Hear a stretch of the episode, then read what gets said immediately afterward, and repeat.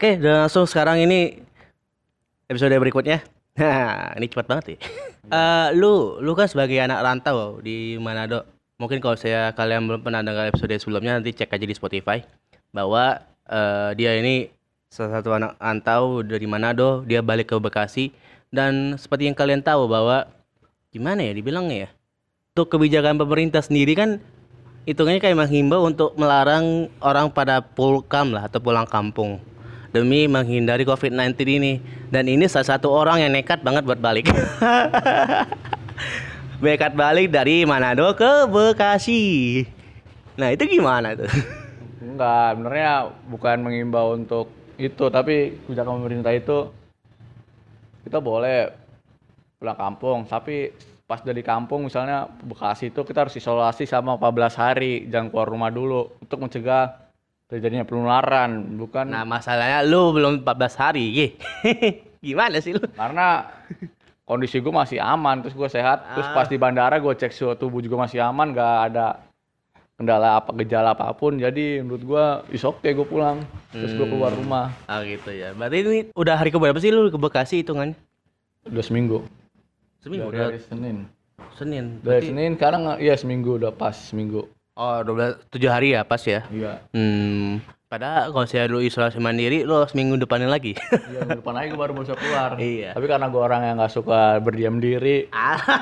kaki gatel istilahnya di situ gue. Yang penting intinya itu kalau kita keluar pakai masker, terus sapu tangan dan satu lagi jangan bersentuhan sama orang yang nggak dikenal.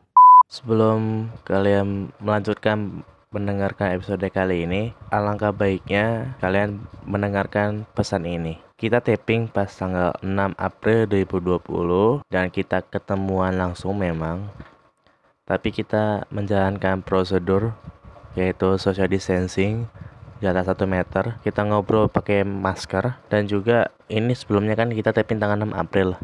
Jadi untuk update-update yang sekarang ini kita masih belum update. Jadi kita tapping ini ya berdasarkan update tanggal segitu aja. Oke, mari kita lanjutkan. Ya udah lama banget sih nggak ketemu. Setelah ketemu aja kapan ya gitu? ya? Tahu nggak lu? Lama kita nggak pernah ketemu. Ah, Terakhir udah lihat- yang gue pulang itu yang di stasiun. Oh iya itu sekitar setahun yang lalu ya? Dua setahun setahun, Setahun. lebih lah ya. Oh, setahun lebih ya. Iya. Dan itu apa hitungannya dia balik lagi ke Manado, gua nggak tahu lagi gimana update-nya tiba-tiba dia balik ke dari Manado ke Bekasi makanya gua langsung ajak collab. Nah, eh ini menurut pendapat lu aja ya. Soalnya kan apa ya? eh, banyak anak banyak perantau baik yang kayak lu eh, kuliah atau justru kayak ada juga yang udah kerja gitu. Untuk memilih untuk merantau ke daerah daerah apa ya? Daerah atau kota masing-masing gitu atau mungkin kayak pulkam lah.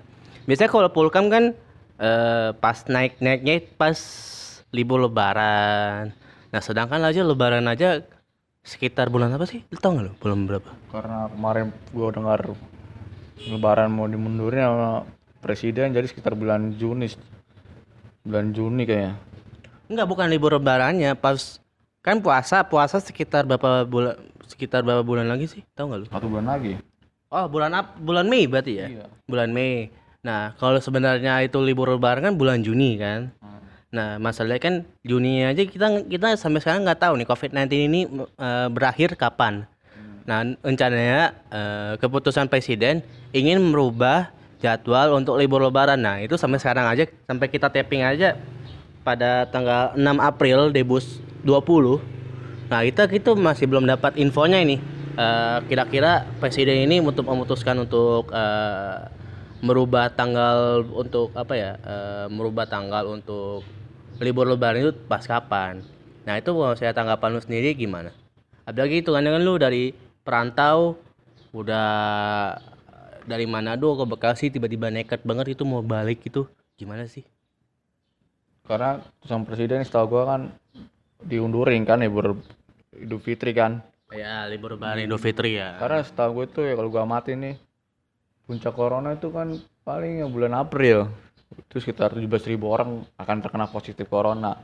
Makanya mungkin Jokowi udah berpikir sampai situ, makanya diundurin libur ini supaya untuk mencegah apa supaya Jokowi itu fokus untuk gimana tuh supaya mengurangi ini apa yang positif bisa menyembuhkan orang-orang corona ini.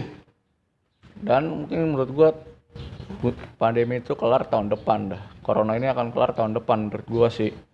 Tahun depan yakin lo? Enggak, maksudnya di negara Indonesia sendiri apa di seluruh dunia? Kalau tahun negara Indonesia tahun depan sih. Karena kita lihat coba di Wuhan yang tadi daripada sembuh akhirnya kambuh lagi. Iya sih sampai ada kayak di apa ya di media massa bahwa kota Wuhan yang rencananya udah di is maksudnya kayak udah di dibuka. lagi. Ada kota di mana sih? Kota di mana di mana di mana Cina? Pokoknya nggak tahu dulu tiba-tiba di lockdown lagi gitu. Iya itu gara awalnya apa karena yang tikus itu? Yang penyakit tikus itu? Pemerintah buka buka bioskop.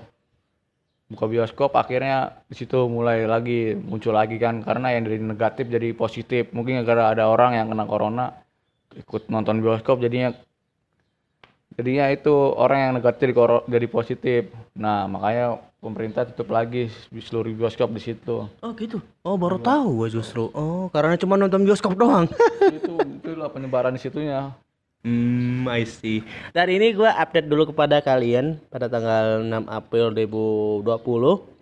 Ini terkonfirmasi sudah 2273, negatif 7620, sembuh 164, meninggal 198. Berarti hitungannya dalam rangka apa ya? Mudik ini hitungannya mudik tanda petik mudik ini berarti banyak dong yang akan terko- terkontaminasi. Apalagi hitungannya dari red zone yang notabene sudah banyak banget yang terkena positif virus corona tiba-tiba dia balik gitu.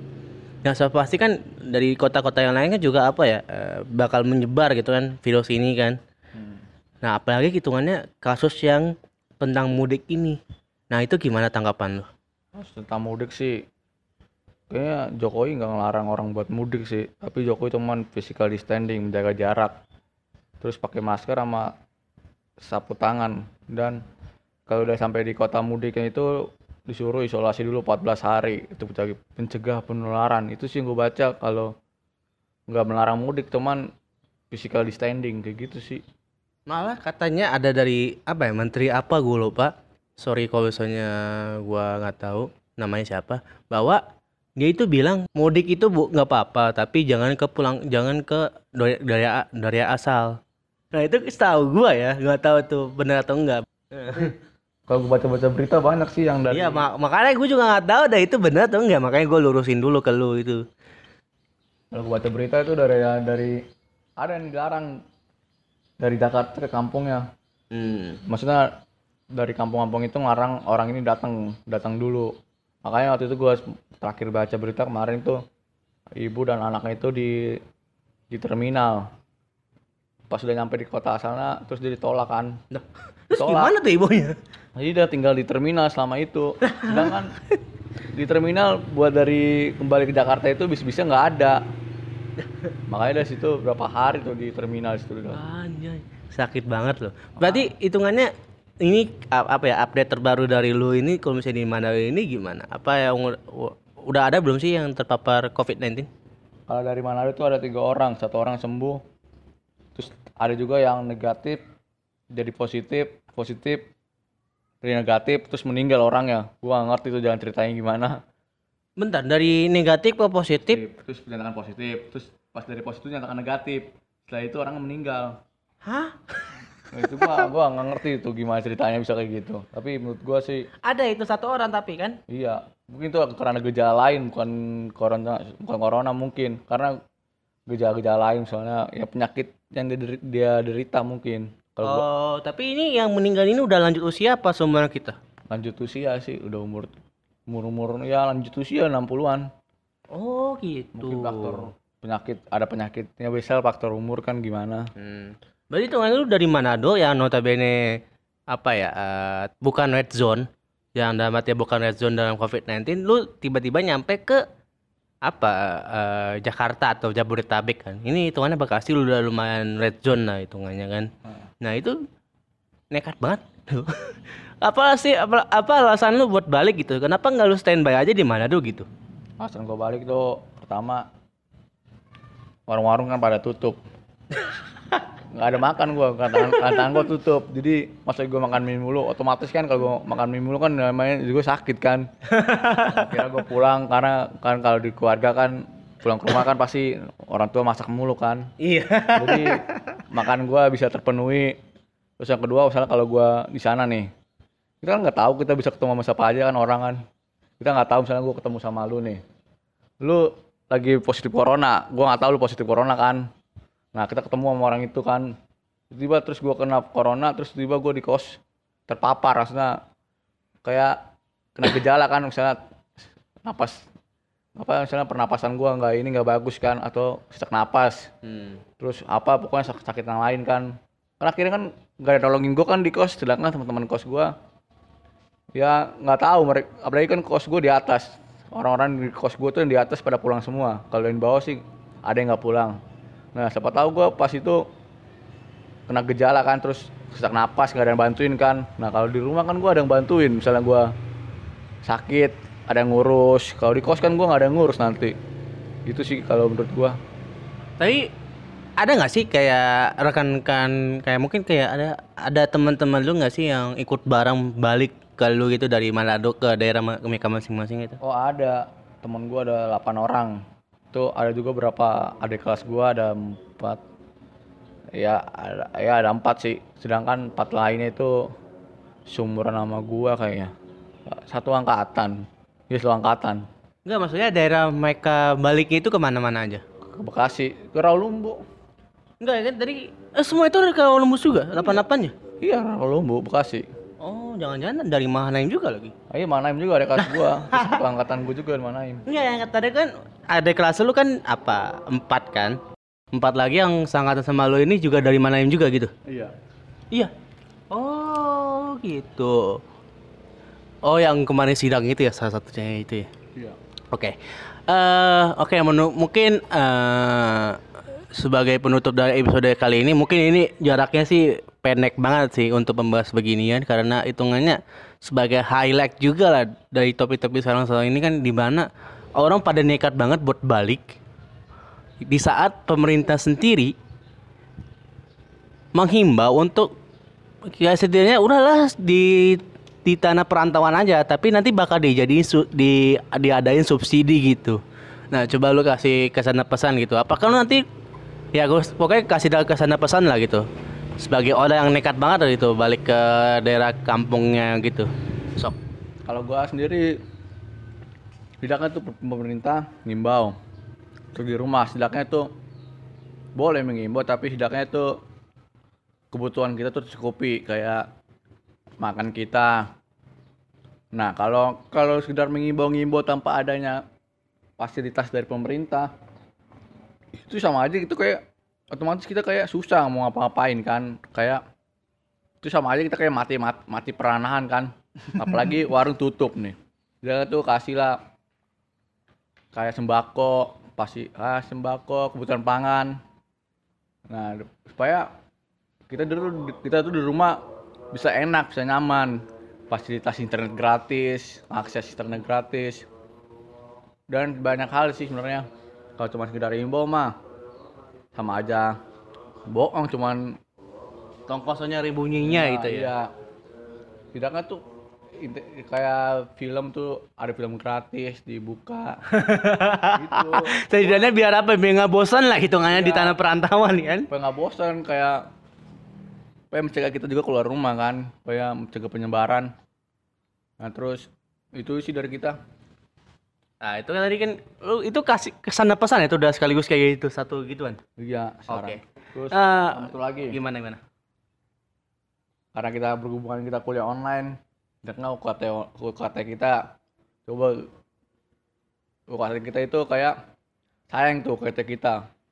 Cuman bukan ini malah memperboros kota maksudnya apa ya gimana ya ngomong ya pokoknya sedangnya adalah keringanan UKT lah setengah persen atau mungkin setengah ini buat semester depan jadi kita cuman semester depan itu cuman bayar setengahnya karena semester i- saat ini kan udah udah ada untuk semester depan tinggal kita bayar semester depan itu bayar setengahnya lagi kan kayak gitulah istilahnya keringanan lah Hmm.